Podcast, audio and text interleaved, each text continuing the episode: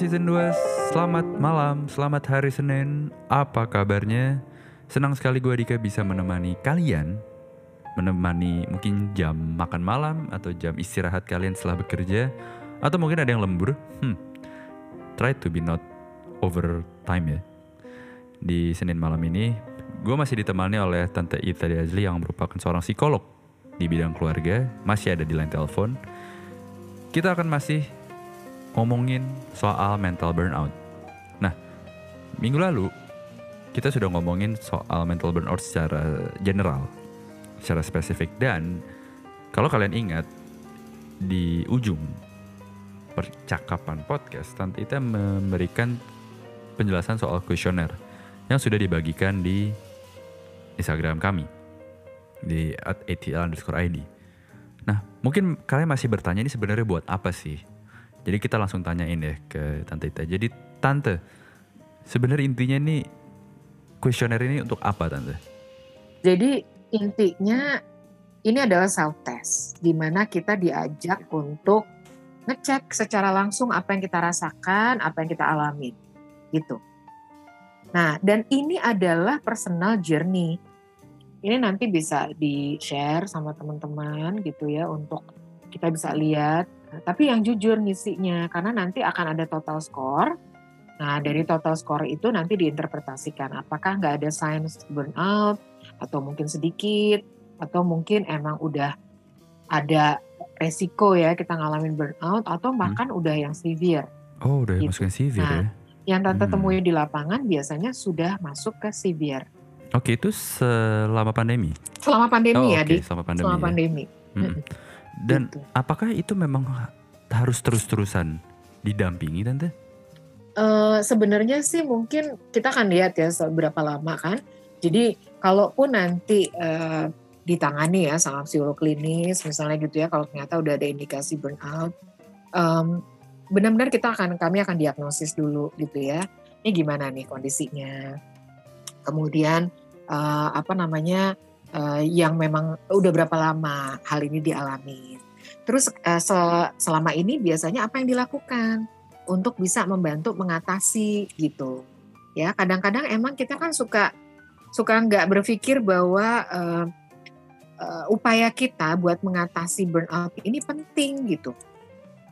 Jadi kadang-kadang kita suka mikir ke diri kita, ah oh, udahlah, pokoknya yang penting udah nggak kerasa lagi, udah gitu, that's it ada nggak gitu juga gitu loh.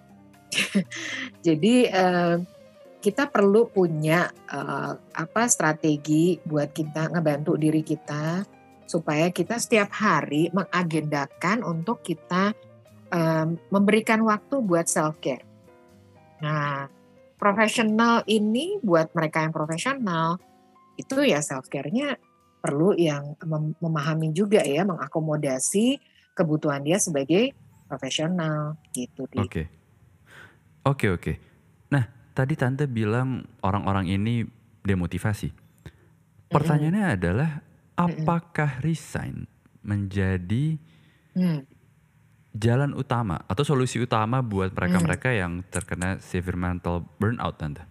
Nah gini, ini kalau kita pakai um, bahasa hukum ya, di, itu kan um, sebelum kita memutuskan kan ada tuh uh, me, me, apa, melihat gitu kan, eh, memperhatikan, terus mempertimbangkan, kemudian memutuskan. Nah, sama sebenarnya kalau pakai kalau pakai apa namanya kalau pakai istilah itu tuh jadi sebaiknya kalau memang kita sekarang ini ya lagi udah udah nggak udah fed up banget gitu ya sama kondisi di kantor.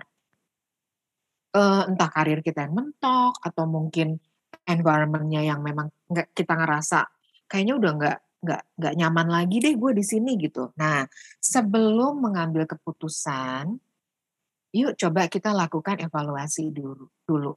Jadi hmm. uh, ini juga yang biasanya tante ajak untuk yuk kita evaluasi deh.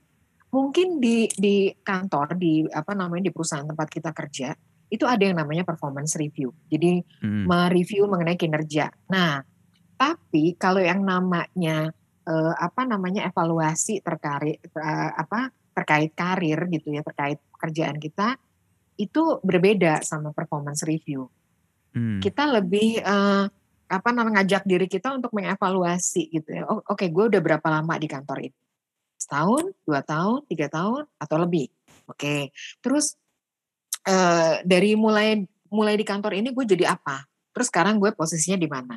Ya, terus apa yang menyenangkan buat gue di kantor ini? Satisfiers kita apa sih gitu yang bikin kita jadi apa seneng gitu yang bikin kita happy gitu kan? Nah, tapi ada juga yang mungkin jadi dissatisfiers sesuatu yang tidak menyenangkan buat kita, tidak memuaskan buat kita tuh apa? Kita perlu ambil waktu sebelum memutuskan untuk melakukan mengajak diri kita melakukan review terkait dengan apa yang kita jalani selama ini uh, apa berkaitan dengan uh, professional life kita gitu ya. Uh, terus uh, nah kita sendiri sebenarnya kalau kita ngelihat nih track kita gitu. Apakah am I still in the right track atau am I still on my track gitu ya dari awal kita mengawali uh, membangun karir di sini ini enggak sih gitu ya gue udah dapat pencapaian-pencapaian apa apa yang bikin saya memang pada akhirnya merasa bangga sama diri saya kayak gitu itu perlu untuk kita kita ini dulu kita gali dulu gitu hmm, hmm, hmm, nah itu itu jangan sampai kita mengambil keputusan secara emosional Hmm, oke. Jadi udah nggak betah, udah pokoknya gue apalagi kalau misalnya oh, bos gue emang udah nggak ngenakin banget tuh. Cuma nyuruh-nyuruh aja bisanya sementara dia begini begini begini. Dia nggak suportif banget lalala gitu kan. Pokoknya nah reasonnya dia keluar akhirnya kenapa reasonnya gue nggak nggak betah sama bos gue gitu kan. Hmm. Ya oke okay, gitu kan. Ada gitu yang memang menjadi pertimbangan.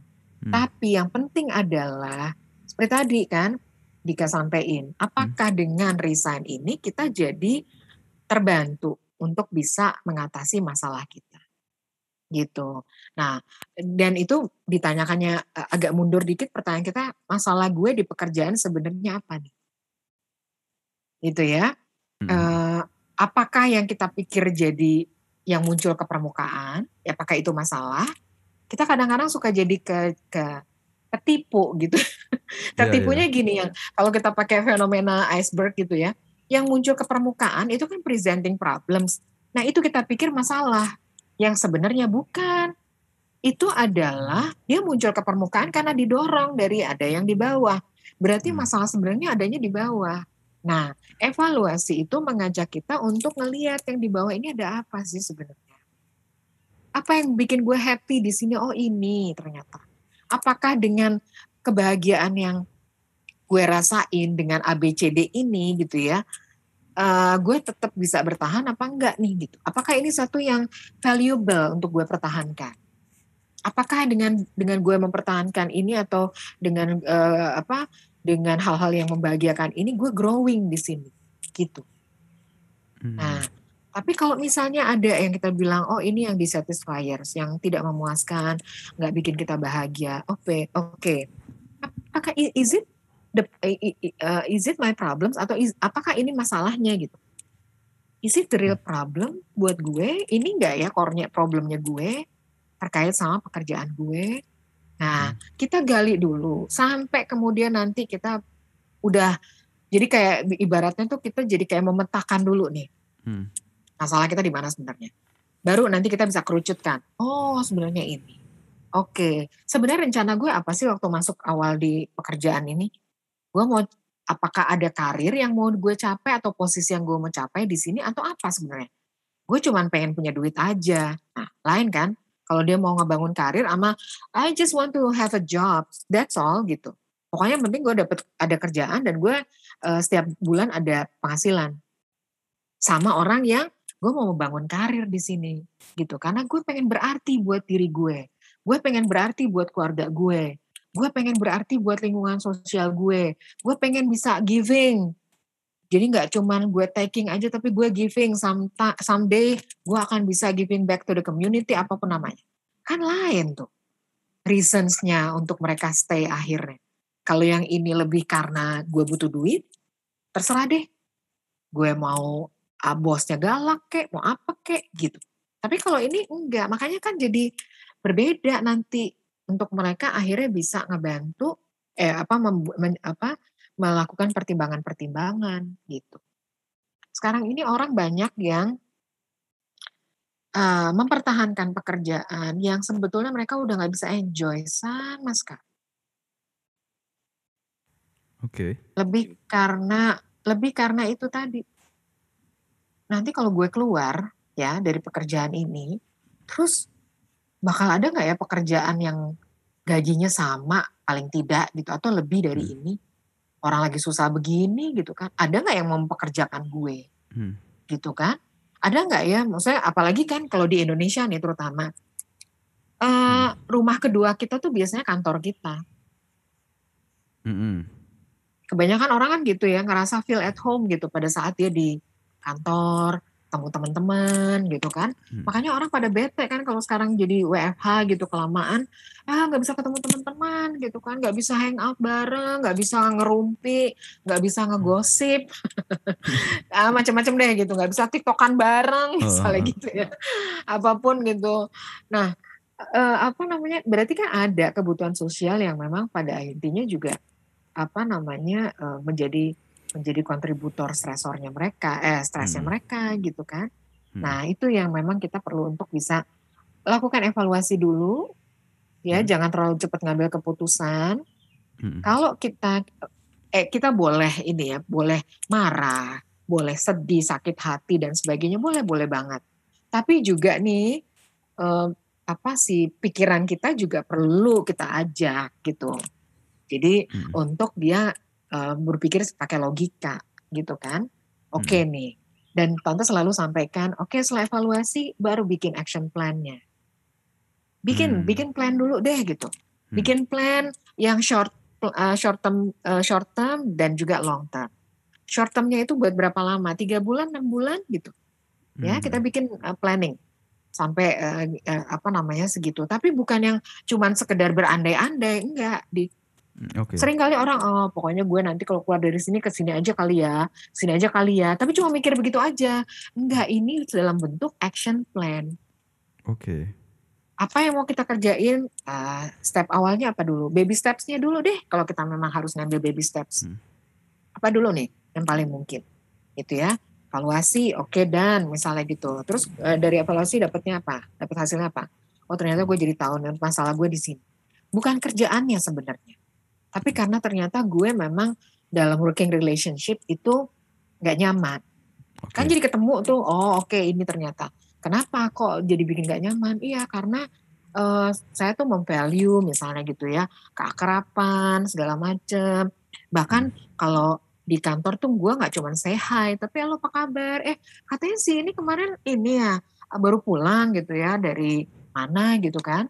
Uh, hmm. Gimana kabarnya? jadi nggak cuma sekedar yang basa-basi benar-benar emang ada uh, apa namanya interpersonal inilah gitu ya relationship yang dibangun gitu kan hmm. nah jadi memang hal-hal ini yang perlu kita pertimbangkan sampai kemudian akhirnya kita bisa bikin action plan hmm. gitu ya uh, sebulan ngomong apa ini gue sebulan ini minggu pertama kedua ketiga keempat gitu kan terus ada nggak uh, kita mesti bikin ininya target eh perlu hmm.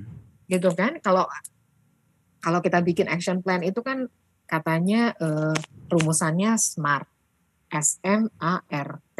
Hmm. specific measurable Betul, achievable ya. ya kan? Terus uh, re reliable ya kalau nggak salah. Realistic hmm. sorry. Hmm. Uh, sama satu lagi time. Jadi memang ada time frame-nya. Kita nggak bisa juga bilang bahwa oh, udahlah gimana nanti aja dalam hmm. kondisi hmm. sekarang walaupun kita nggak tahu pandemi ini berakhirnya kapan tapi kita perlu wise sama diri kita. Apalagi kita udah dewasa ya, hmm. gitu. Kita perlu kita yang menentukan arah arah arah langkah kita ke depan. We are the pilot yeah. in our life, gitu kan. Jadi kita yang pegang kendalinya sebenarnya, gitu. Nah, hmm. jadi sekarang ini pilotnya nggak bisa pakai autopilot. Jadi kita memang benar-benar perlu untuk bisa, ini ke mana nih? Uh, anginnya ke kiri, ke kanan gitu. Ada badai apa enggak gitu kan? Gue mesti ininya apa kecepatannya berapa nih speednya segala macam gitu kan. Perlu manuver nggak misalnya gitu. Nah itu kita yang menentukan. Tapi bayangin kalau pilotnya aja emosional ah udah terserah deh udah udah tabrak gini aja nggak bisa gitu kan. Kebayang nggak kalau orang burn out kan jadi kayak gitu. Nah jadi first things first ya terkait sama burnout uh, bantu diri uh, kita untuk melakukan evaluasi. Kalau memang perlu pendampingan profesional, please do so. Banyak banget sekarang yang udah menawarkan bantuan. Ada yang sifatnya gratis gitu Oke. kan. hmm. Ada yang juga memang berbayar, tapi juga uh, disesuaikan dengan ini masing-masing ya kemampuan gitu Hmm. kan. Nah uh, intinya kita bantu diri kita gitu ya. Kita pakein masker buat diri kita dulu supaya kita nggak ngos-ngosan, supaya kita nggak ternganga gitu. Nah baru kita udah kayak bisa exhaling gitu Mm-mm. nafas. Nah baru deh kita bisa bikin tuh yang namanya Hmm. planning ke depannya. Jadi kita juga lebih terarah sama diri kita. Nggak Oke. yang eh, apa namanya serampangan sama diri Mm-mm. kita. Ah, I see. Gitu, Berarti kita meskipun burnout pun juga nggak boleh gegabah kali ya tante dalam mengambil keputusan. Hmm, hmm. Nah, tante, em, tadi kita udah ngomongin banyak dari sisi mereka yang terkena mental burnout. Nah, sekarang aku mau mem- memut- memutar posisi tante. Dari sisi company. Oke. Kan kalau nggak salah beberapa hari yang lalu nih tante, em, ada company. Nike kalau nggak salah di Amerika, dia tuh mencoba untuk meliburkan satu minggu tante. Mm-mm. para Hmm, para pegawainya Mm-mm. untuk menghindari yang dari Mm-mm. namanya stres. Jadi di- mereka sangat concern dengan mental health. Nah pertanyaanku adalah gimana sih seharusnya para pelaku bisnis hmm, itu bisa mensiasati hal ini tante atau at least put this as a main concern juga di internal.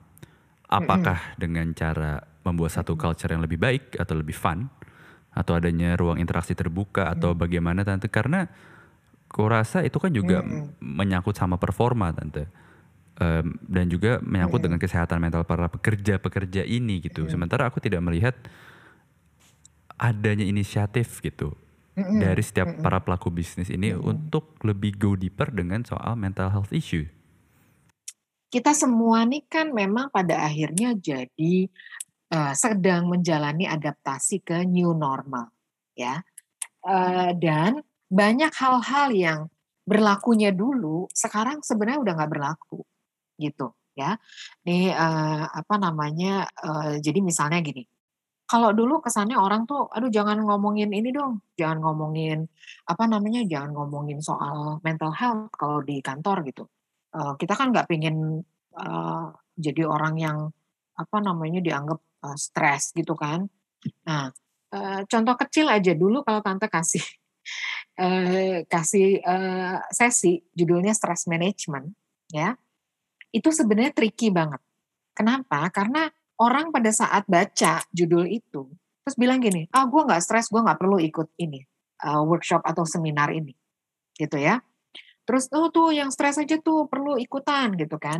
Jadi dulu kalau di kantor itu kesannya kalau kita ngomongin soal stress management itu hanya buat orang-orang yang dianggap stres gitu. Tapi mereka nggak perlu. Nah sekarang ini kondisinya nggak seperti itu. Everybody in in distress sebenarnya Hmm, karena kondisi pandemi ini. I see. Jadi memang ada ada kebijakan-kebijakan yang perlu di di eh, telaah kembali gitu ya. Di, sorry dilihat lagi. Apalagi eh, di mana di bisnis itu eh, ada yang namanya employee engagement, well-being engagement. Apa apa deh gitu yang ininya istilahnya kita perlu engage dengan apa yang kita kerjakan. Nah, ini eh, perta- per- apa namanya tulisannya si eh, si Ness ya namanya kalau nggak salah.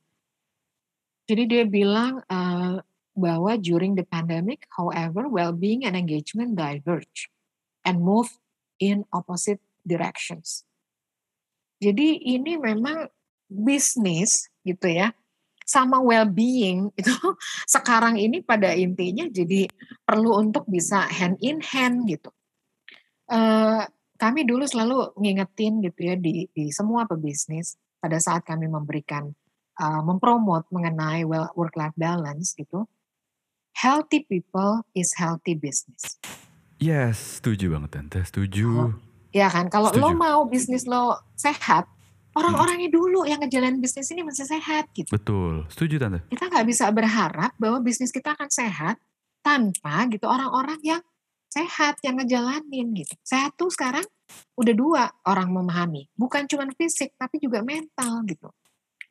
Mental health is important gitu sekarang. Makanya sekarang ini akhirnya uh, banyak sekali uh, stigma-stigma yang stigma yang terkait dengan mental health dan sebagainya gitu. Itu sekarang akhirnya di apa ya di apa di um, di ini kembali gitu ya, di, dilurusin kembali gitu ya, dicoba diubah dengan kita memberikan satu pemahaman baru mengenai uh, apa itu kesehatan mental, ya kenapa penting kesehatan mental. Kalau kita bicara mengenai well-being itu apakah hanya terkait dengan kesehatan fisik saja misalnya gitu atau kesejahteraan fisik saja gitu, padahal enggak seperti itu. Nah, jadi uh, apa namanya ini yang yang memang jadi jadi hal yang menarik untuk para pebisnis uh, untuk membangun awareness terkait dengan kondisi yang sekarang terjadi di dunia, ya, yang yang di-trigger oleh pandemi ini.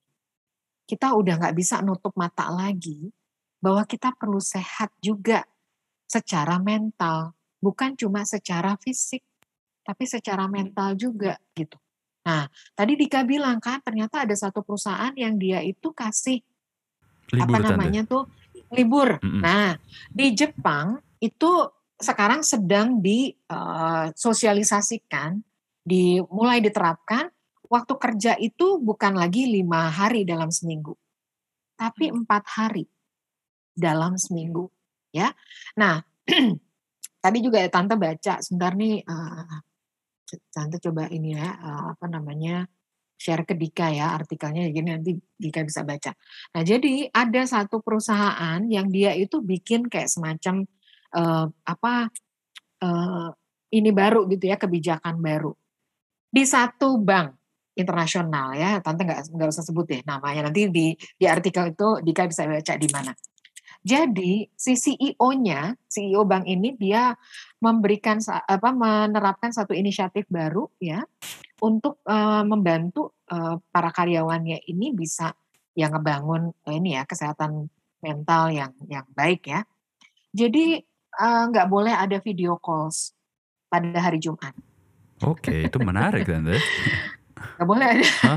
Oke. Okay. Gak boleh ada. Jadi uh. mungkin antara Senin sampai Kamis oke okay lah nggak apa-apa. Hmm. Misalnya Zoom apa segala macam gitu ya. Iya yeah, iya. Yeah. Tapi hari Jumat it's a no gitu ya untuk uh, so banning video calls on Fridays.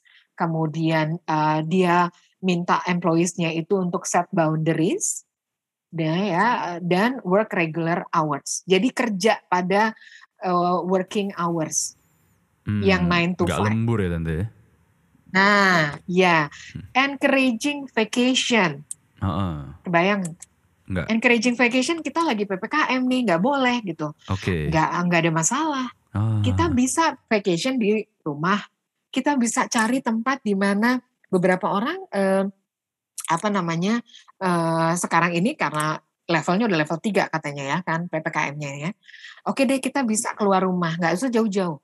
Tapi ke satu tempat di mana hanya keluarga saja ya keluarga uh, yang terdekat aja gitu yang pergi dan kita membangun ini apa namanya kasih kesempatan buat uh, apa uh, rehat gitu enjoying the life celebrating the life gitu through vacation ya dan nggak ada tuh vacation bawa-bawa uh, apa pekerjaan gitu yeah. ya hmm. uh, jadi kadang-kadang tante tante aja suka nih kalau kemarin tante sempat staycation gitu walaupun sebenarnya bukan staycation sih uh, apa getaway untuk sementara selama seminggu tapi memang uh, karena kebetulan tante lagi ada training gitu kan ya nah itu benar-benar emang ternyata oh iya ya ini charging baterai saya nih gitu Nah, kalau tadi Dika ngomong soal extrovert gitu, tante I am an extroverted gitu. Jadi I needed time gitu untuk saya bisa berinteraksi dengan dunia luar gitu ya. Dan itu ternyata energizing gitu ya, refreshing gitu. Nah, kemudian uh, apa namanya ada uh, jadi company ini perlu membuat inisiatif-inisiatif yang semacam ini.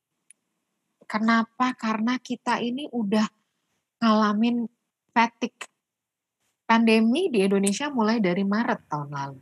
Yes. Sekarang udah bulan apa? September kan, Dik? Udah 18 bulan, Tante. Udah setahun. iya, udah 18 bulan gitu ya udah udah apa namanya ya orang juga ya kita nih dealing sama uncertainty sekarang. Mm-mm, betul. Kita dealing sama ketidakpastian. PPKM nanti uh, kalau kasusnya naik levelnya ditingkatin lagi. Nanti kasusnya turun diturunin. Jadi kita Mm. kayak yoyo, apa sih namanya? Kayak main Iya, yoyo, gitu tante, ya. bener. Ya kan? Naik, turun, naik, turun. Ah, emosi kita juga begitu. Jadi kayak roller coaster. Kebayang nggak kita happy, oh udah nggak ada kasus. Toto breng gitu. Ada kejadian ternyata naik lagi kasus. Ya, bahkan itu kena ke lingkungan terdekat kita, bahkan diri kita sendiri. Gitu. Nah kan jadi kita akhirnya jadi apa ya? Lelah. Jadi fatigue. Fatigue itu adalah emotional tiredness. Tired itu capek, tapi fisik.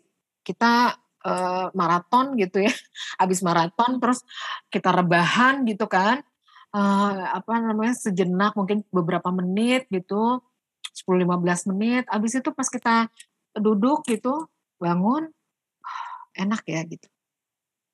Tapi kalau fatigue, udah kita tidur lebih dari 8 jam bahkan, pas bangun tuh kayak beban itu masih ada. Bahkan kita bangun bisa pusing, bisa kemudian jadi aduh ingat lagi mungkin apa yang jadi masalah kita gitu. Nah itu fatigue.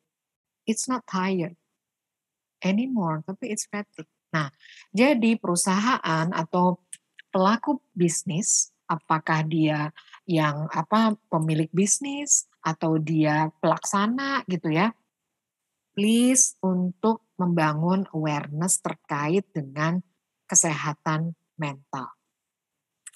Eh, sekarang ini ada yang namanya organization organis yang, yang penting dibangun adalah organizational resilient. Sebagai organisasi dia perlu punya daya lenting. Oke. Jadi kita kita bisa untuk bisa cope dengan situasi-situasi yang ada dan tahu bagaimana caranya. Tapi kita nggak nggak mengulang apa ya istilahnya. Ya udah kalau misalnya capek lo tidur aja. Ntar juga capeknya hilang sendiri. Capek apa dulu gitu. Kalau capek badan ya nggak apa-apa. Tapi kalau capek pikiran, batin ya nggak Mm. bisa. Cuman dengan sekedar tidur gitu. Ya ada Hmm. hal yang lain. Nah itu yang kita perlu uh, please gitu ya. eh secara humble kita bangun kesadaran Mm-mm. bahwa ini juga untuk kepentingan bisnis itu sendiri. Seperti tadi, healthy business, eh healthy people is healthy business. Jadi kita butuh untuk kita uh, sehat, baik dari Hmm. sisi orang-orangnya sehingga uh, terutama dari sisi orang-orangnya itu yang kita uh, apa namanya kita prioritaskan untuk membangun kesehatan fisik dan mental sehingga bisnis ini pun jadi bisa sehat gitu. Nggak jadi kita nggak cuman sekedar ngejar argo gitu. Apa sih apa namanya? Apa namanya? Bukan ngejar argo ya maksudnya Apa ini apa apa namanya? Ada target-target yang mesti dicapai Oh iya iya betul. betul. Iya kan? Bisnis perlu punya target iya dong gitu ya. Kita perlu untuk bisa membangun ya kita kan eh, bisnis punya visi punya misi gitu kan. Mm-mm. tapi juga values itu tetap perlu diterapkan misalnya gitu ya. Work hard itu udah nggak zamannya. Ah, interesting tante. sekarang yang diperlukan adalah how to work smart. Hmm, how to work smart ya tante ya. jadi Oke. ya bukan lagi work hard. Orang semua oh, harus kerja keras kerja keras. Iya ya definisi kerja keras sekarang berbeda. We need to Hmm. work smart. Ter malah gitu. Lebih cerdas dari sebelumnya. Lebih pinter dari sebelumnya. Dengan strategi terus ba- bagaimana akhirnya memutar duit dan sebagainya gitu. Kita punya eh, ya apa namanya eh, duit masuk hanya segini gitu kan. Kita mentargetkan revenue tahun ini sekian miliar gitu. Ternyata nggak nyampe. Terus gaji pegawai mesti dikurangin setengahnya. Nah berarti kan kita perlu untuk ada strategi yang baru ya gitu. Nah jadi memang ini yang yang yang perlu untuk kita juga sama-sama eh, bangun ya. Bagaimana kita pada akhirnya memahami bahwa uh, pandemik ini memang mengajak kita semua. This is a blessing in disguise kalau tante membahasakan seperti itu. Jadi mungkin uh, apa kemasannya nggak enak sih, tapi sebenarnya di dalam itu tuh ada blessing gitu, di mana kita jadi belajar banyak. Ini pembelajaran banyak buat kita kalau kita mau belajar gitu.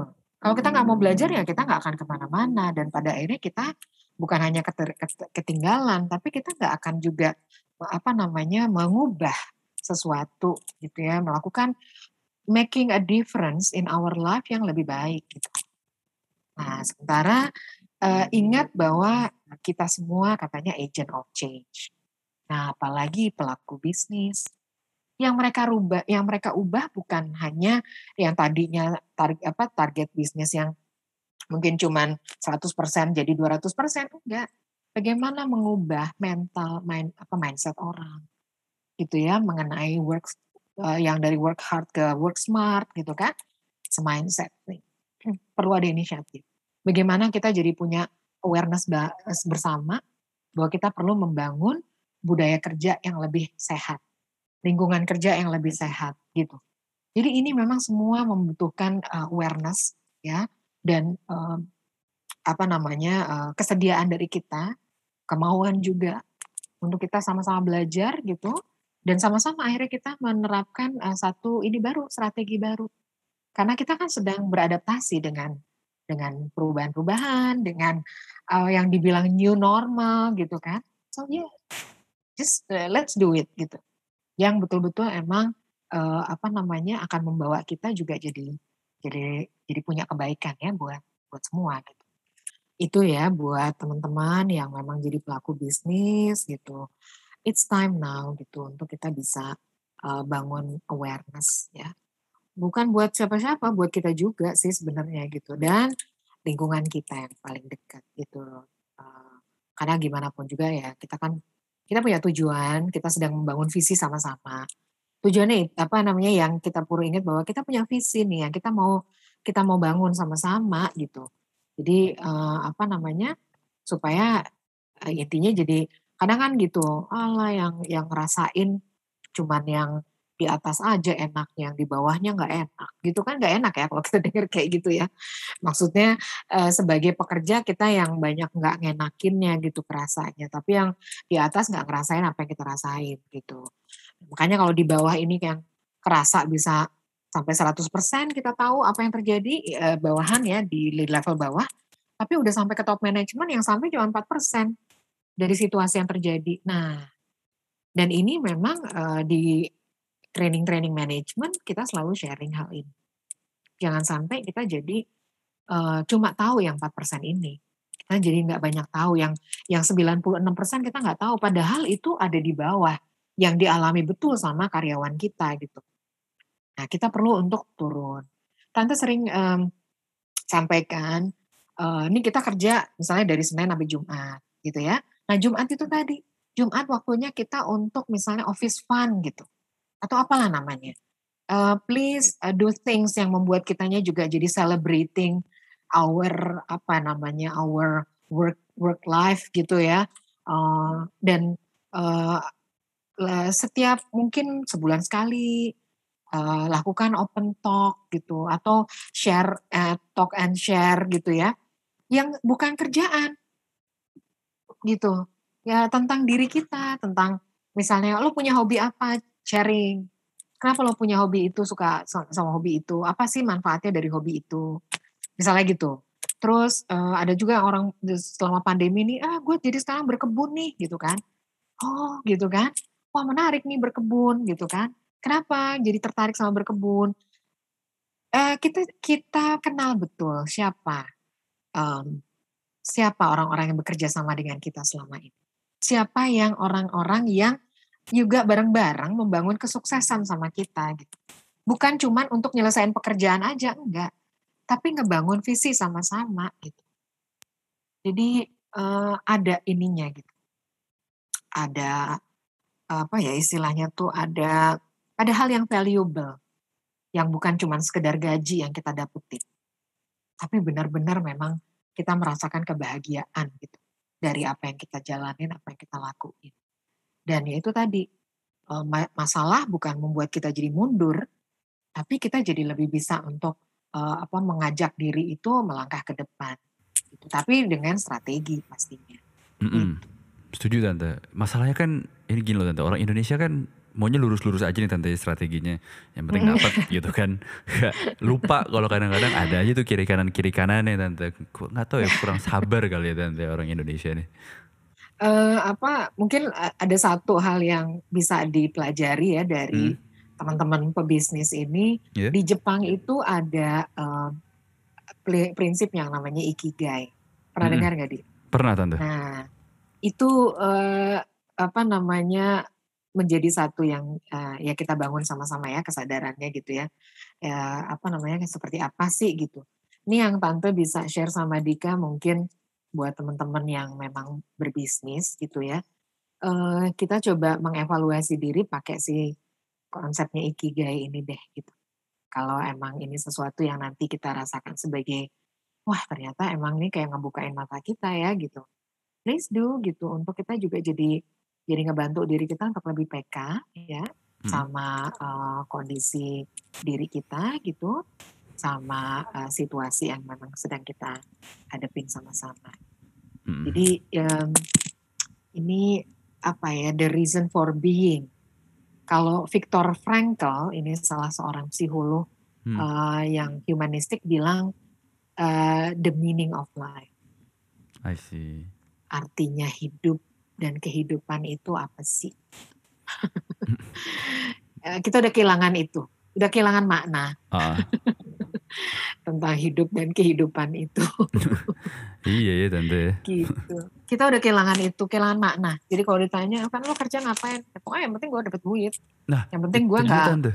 itu dia kadang-kadang kan bingung juga tante kayak aduh mau iya. resign gak ada duit tante kalau kerja dapat duit sih tapi nggak happy ya mau gimana tante kan? Ini adalah salah satu hal yang conflicting gitu kan yang sering terjadi sama kami kami semua tante yang bekerja kan gitu tante.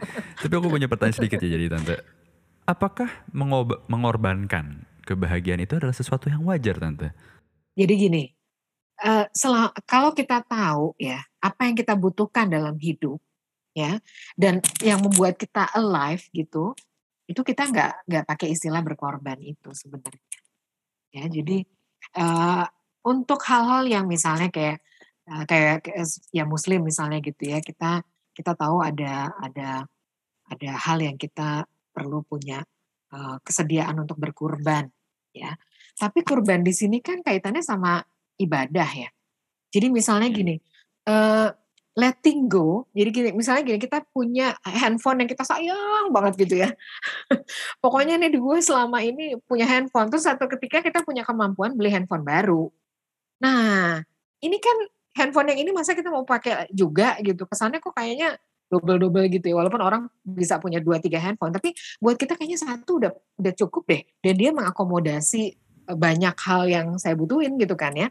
Nah, pada saat kita mau memberikan handphone itu ya itu kan sepertinya sebenarnya ada satu hal yang kita kurbankan adalah ego kita hmm. untuk tetap memiliki handphone itu tapi kita berbagi sama orang lain gitu nah tapi kalau berkorban karena untuk kebahagiaan hmm. itu sebenarnya nggak ada sih istilah itu sebenarnya ya dik ya oke okay. yang penting adalah kita tahu apa yang kita butuhkan ya sebenarnya gini kita perlu tahu uh, kita kita perlu tahu apa yang kita butuhin dalam hidup ini. Nah, kalau uh, pakai prinsip ininya hierarkinya Maslow, itu kan kebutuhan kita ada yang kebutuhannya sifatnya fisik, makan, minum, kita perlu tidur, istirahat, kita perlu punya tempat bernaung gitu kan ya. Seks buat mereka yang sudah menikah gitu ya. Nah, di atasnya itu kebutuhannya ada yang namanya security needs. Kita butuh rasa aman gitu. Terus di atasnya itu ada kebutuhan untuk mencintai dan dicintai. Kemudian di atasnya itu adalah kebutuhan untuk uh, kita membangun harga diri atau self esteem gitu ya. Di mana kita membangun confidence dan sebagainya. Yang paling atas adalah kebutuhan aktualisasi diri. Karena semua orang punya potensi. Kita semua punya talent gitu. Bagaimana akhirnya kita menyadari talenta kita? Ya apa namanya kita um, membangun awareness itu tadi gitu, cari tahu. Terus kita bisa manage. Nah, apa yang membuat kita pada akhirnya bahagia balik lagi. Apa sebetulnya kebahagiaan itu? What is the definition of happy for me? apa sih sebenarnya gitu definisinya kebahagiaan itu. Apakah untuk mencapai kebahagiaan kita harus berkorban? Enggak gitu. Kalau kita memang pada akhirnya fulfilling apa yang uh, apa memberikan uh, memenuhi kebutuhan-kebutuhan kita sesuai dengan apa yang memang kita butuhkan gitu. Kayak misalnya makan aja. Kita butuh makan, semua orang butuh makan. Tapi ada kan orang yang butuhnya cuma tiga, tiga sendok makan buat dia udah enough gitu. Tapi buat orang lain dia mesti dua piring, itu enough buat dia gitu. Beda takarannya.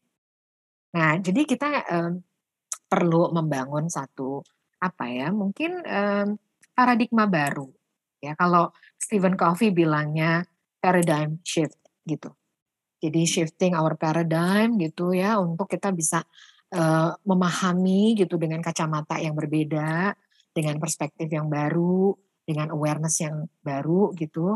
Apa sih gitu? Supaya kita jadi tahu kenapa kenapa saya sampaikan um, bukannya berkorban karena kalau ada pengorbanan yang semacam itu nanti biasanya akan ada penyesalan. Akan ada orang yang uh, I'm okay gitu ya uh, sorry I'm not okay but you're okay gitu. Nah kita nggak begitu. Yang kita capai adalah I'm okay and you're okay. Gitu ya, bukan yang I'm not okay but you're okay.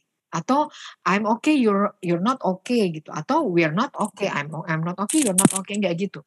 Yang kita bangun sama-sama adalah I'm okay you're okay. Nah, di situ kan berarti ada hal-hal yang memang kita perlu untuk bisa uh, apa namanya? uh, ini sama-sama gitu ya, kita upayakan sama-sama.